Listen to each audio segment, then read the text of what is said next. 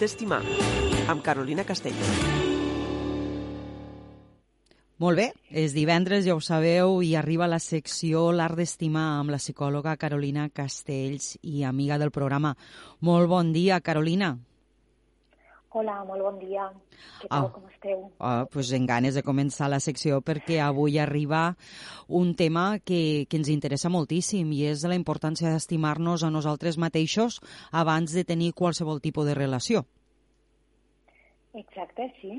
És molt, molt important. És un tema que, que, bueno, que la setmana passada vam tindre les, les línies vermelles, vam estar parlant, i, i, bueno, que, i d'aquí ha sortit el tema de l'autoestima i, i bueno, que per a tindre qualsevol relació de parella i no relació de parella, és a dir, qualsevol relació que tinguéssim, pues, la importància d'estimar-nos a nosaltres mateixos.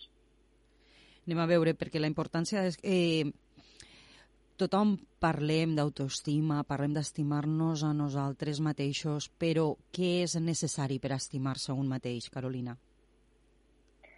Jo crec que la base per estimar-se a un mateix és conèixer és impossible que tu te puguis estimar tu mateix si no et coneixes abans. Per tant, jo començaria per, per, per este procés d'autoconeixement, que moltes vegades les persones no, no l'han fet i aquí arriba a consultar moltíssimes persones en què pues, no saben realment qui són perquè no han fet mai este treball no, de consciència, de mirar cap atràs per veure pues, primer que tot d'on venim quines són aquelles ferides que, que tenim no? i que de vegades pues, necessitem sanar. I, i a partir d'aquí pues, també saber pues, quins són els nostres valors i en temes relacionats amb parella o en qualsevol altre tipus de relacions, pues, saber què és allò que és imprescindible i el que parlàvem la setmana passada, que és allò que és innegociable per a nosaltres, que potser és molt diferent per a una altra persona, però que tu tens que saber molt bé, no?, realment. I crec que, bueno, aquesta és una, una de les bases per estimar-te a tu mateix i que és necessari eh, per a qualsevol tipus de relació. Jo crec que estimar-te a, a tu mateix és imprescindible per a tot. és algo que, que, bueno, que necessites per a, per a, una, per a tindre confiança en el tema professional i per a qualsevol tipus de relació o amistats. És que és, és importantíssim. És importantíssima. Jo crec que la relació més important de la nostra vida és la nostra. I amb nosaltres mateixos, no? És la nostra i perdem moltes vegades molt de temps focalitzant-nos cap als altres, intentant pues, quedar bé, eh, agradar, eh, intentant potser fer que la nostra parella canvi o focalitzar-nos en nosaltres, quan en realitat tot està dins nostre. I crec que, que, que primer hauríem de començar almenys per començar per això, per, per veure quina és la nostra relació, no? com me relaciono jo amb mi mateixa. I, bueno, esta és, esta és la primera part i, clar, a partir d'aquí, pues, conèixer. I com podem treballar esta, esta autoestima, este estimar-nos a nosaltres mateixos? Bueno, sobretot en eh, el que parlàvem ara, no? Jo crec que és molt important pues, tindre este autoconeixement i, i saber, sobretot, eh, què és allò que necessito sanar. És a dir, quan primer que tot, saber que l'autoestima és el valor que tenim nosaltres com a persones. No? Moltes vegades pensen que per a tindre una bona autoestima el que necessitem és eh, fer moltes coses no? o anar molt de cara cap a fora, quan en realitat eh, una bona autoestima és quan nosaltres ens coneixem i sabem quina és la nostra part de llum, quina és la nostra part de sombra i, i l'abracem l'abracem i l'acceptem primer que tot i l'abracem i, i llavors fa que que, que estiguessin bé nosaltres mateixos, no?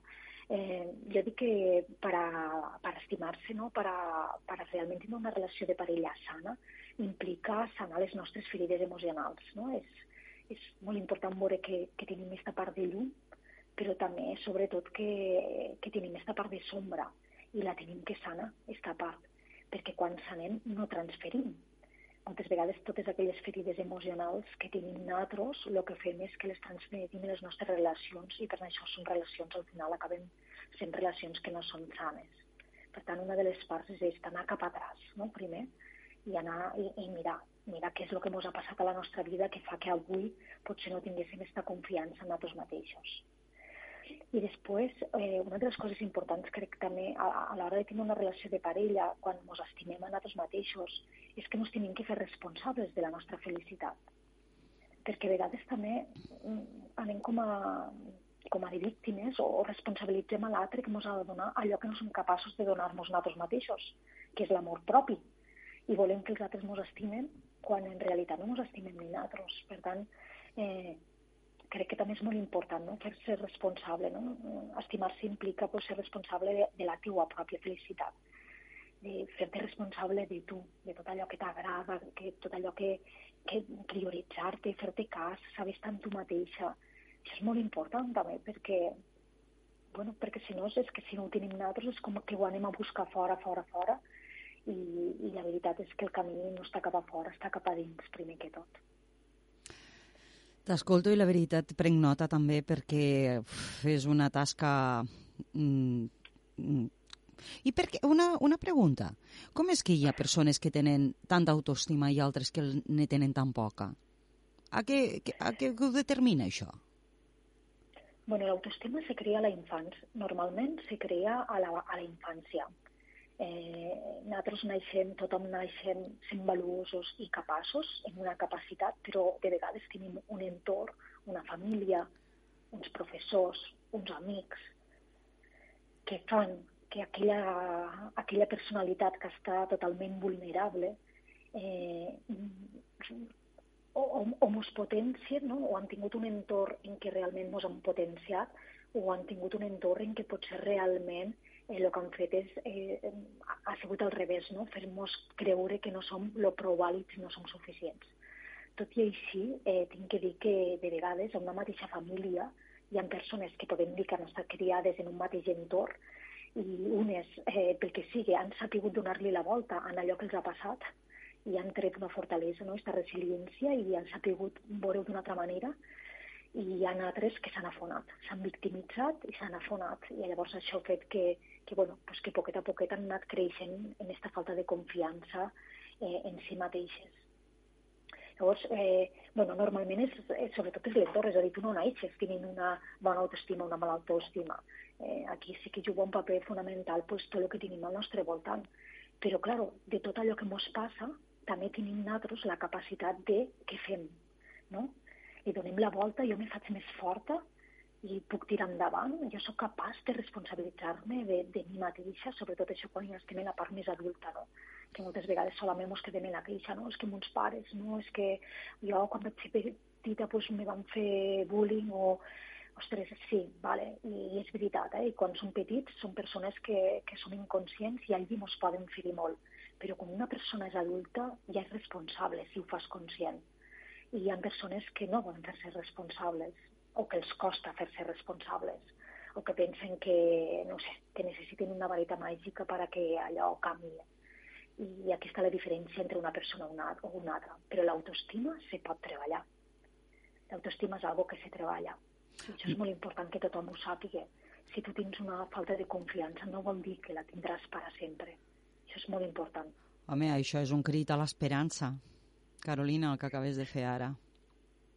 pues és que és, és que és així mateix, és algo que una volta tu canvies la teua mirada i te responsabilitzes de tu i intentes, pues, ostres, hi ha coses de nosaltres que no ens agraden i que podem canviar-les, però intentes, però sobretot, veure el valor que tens com a persona, no? I, que tothom tenim, no? El que passa que moltes vegades ho tenim molt amagat o no sabem com trobar-lo, no? I començar a veure totes aquelles coses que et fan única, especial, que et fan forta, totes aquelles coses que potser tu has aconseguit a la teua vida però que ningú mai t'ha reconegut, ni, ni tu mateixa t'ha reconegut, no? I començar a veure totes aquestes cosetes pues, fa que cada vegada tingués una millor autoestima i fa que cada vegada pues, estigués millor en les relacions de parella o en qualsevol tipus de relació.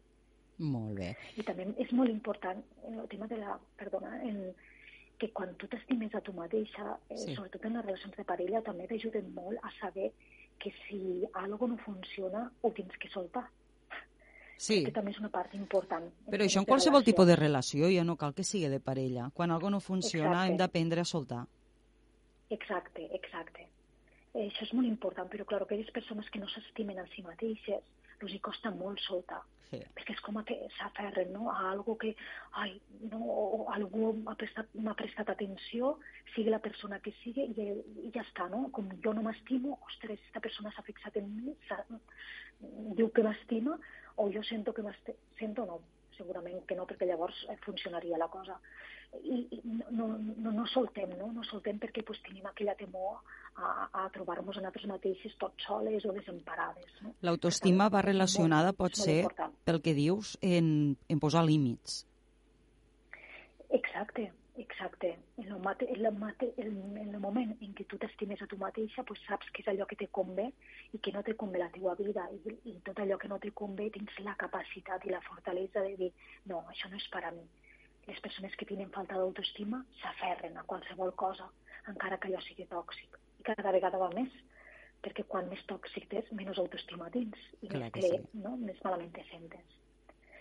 I sobretot autoestima, eh, jo crec que relacionat amb temes de parella o qualsevol tipus de relació, sempre bueno, ho centrem més en la parella, però qualsevol tipus de relació implica ser realment tu, ser autèntic i ser, eh, te permet ser com ets, no? sense tindre temor, sense tindre que aparentar res.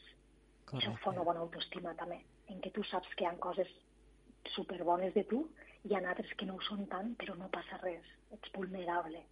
Això és molt, molt important, no? Ets una persona real. Moltes vegades hi ha persones que no falta autoestima aparenten, aparenten molt el que no, lo que no són. I això també crea que, que les relacions al final pues, acaben sent, bueno, mm, tòxiques potser no, però sí, no acaben de ser relacions sanes. Ai, que m'agrada escoltar-te, Carolina. Eh, sí que m'agradaria que recordéssim el taller justament sobre autoestima que faràs properament.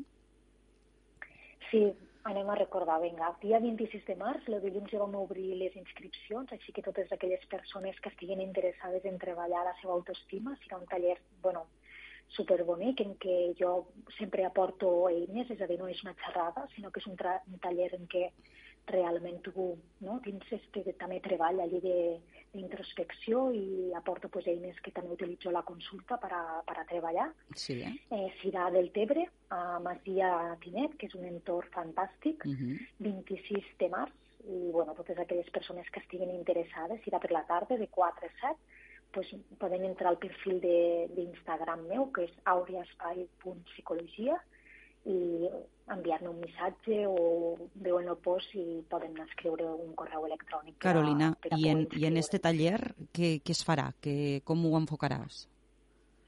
pues mira, són, mm, són de, és un taller de 3 hores i el que faig... Eh, jo normalment utilitzo sempre eh, tècniques d'introspecció, és a dir, tècniques en què la, la persona pugui sortir del taller en, en, en algo de treball fet, en algo de, de reflexió, en algo que l'hagi fet tocar algo que l'hagi donat que, que s'hagi pogut donar compte de coses d'ella mateixa, no? És a dir, no és solament una xerrada en què te quedes allí i que, bueno, que pot fer-te un clic, sinó que a part pues, eh, pues hi haurà tècniques d'escriure, meditació, visualitzacions, bueno, totes aquestes cosetes així ho ajunto tot para que, eh, pues, que aquella persona faci el treball durant aquelles tres hores. I a part ja sabem, hi ha una cosa superbonica als tallers, que és el de compartir, que moltes vegades pues, eh, ens fa falta, no? també és tot molt de treball en solitari i aquests espais per poder compartir jo crec que són màgics, màgics perquè l'energia del grup és brutal i és algo, algo molt bonic. Les places són limitades, hi ha, hi ha persones apuntades, ho dic perquè eh, bueno, eh, com a molt seran 15 persones, per tant, pues, bueno, aquelles persones que, que estan interessades mm, no us encantéssiu, no?, perquè, eh, bueno, pues això, que, que hi ha algunes persones que ja estan, així que, que bueno,